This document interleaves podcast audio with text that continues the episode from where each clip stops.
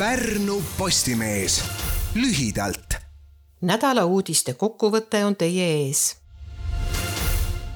Sindi raekoja renoveerimine jääb seisma ning objekt planeeritud ajaks märtsi lõpuks ei valmi.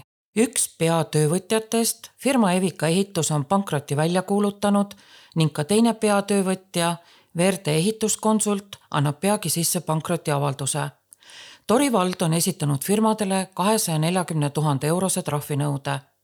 Tori vallavalitsuse teabespetsialisti Piia Salundi sõnul tegeleb vald hetkel hädavajalike töödega, et säilitada hoone ja seni tehtu algas läbi aegade suurim Eesti naiste terviseuuring, mille viib läbi Tartu Ülikooli Naistekliinikum koos Sotsiaalministeeriumiga.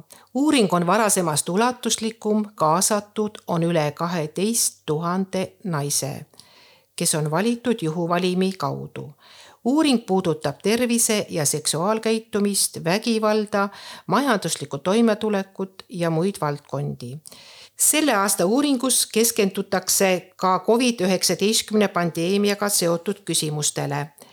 esimest korda uuritakse ka üleminekueaga seotud probleeme. uuring on anonüümne ja tulemused avalikustatakse aasta lõpus vahelduv ilmastik on Pärnu kalamehed merejäält peletanud ja koondanud nad Jõeääle. Pärnu Postimehe fotograaf Urmas Luik püüdis ühele pildile rohkem kui viiskümmend kirglikku kalameest entusiast Eiki Eriste arvates on osavamad õngitsejad saanud eeskujuliku ahvenasaagi, näkkavad ka vimb ja siig. talipüügi harrastajaid võib näha Papiniidu silla kandis, Raeküla all ja Reiu silla lähistel eelmisel aastal loovutati peaaegu kaks tuhat kakssada liitrit verd, ütles Pärnu verekeskuse juhataja Pille Muliin esmakordselt loovutas verd kolmsada nelikümmend kaheksa inimest ja esindatud olid kõik veregrupid.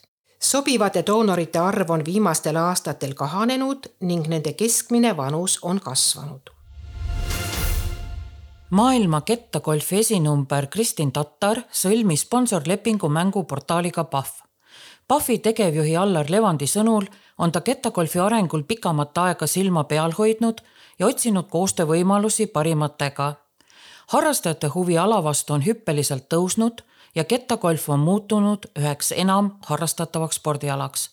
Kristin Tattaril on selles suur roll ja Pahv soovib talle õla alla panna, et ta saaks hooajale julgemalt vastu astuda, keskenduda kahe hooaja vahelisele ettevalmistusele ja suurendada välislaagrite arvu Pärnu kontserdimajas andis kahekümne viienda juubelikontserdi Käsikellade stuudio, kus esinesid solistidena ka Pärnu muusikakooli õpilased. idee luua käsikellansambel sündis tuhande üheksasaja üheksakümne seitsmendal aastal Agape huvialakoolis, kui Ameerikas saadeti karbitäis kellasid. ansambli loomise juures olid Maarja Talts ja Helvi Treiblut. praegu juhatab ansamblit Elo Keskküla kahe tuhandendal aastal sai ansamblist kellastuudio. tore on teada, et käsikellasid on võimalik õppida ka Pärnu muusikakoolis. uudised valisid ja lugesid ette Merle Omler ja Piret Zimmermann. kõiki lugusid saab põhjalikumalt lugeda Pärnu Postimehe veebist. Pärnu Postimees lühidalt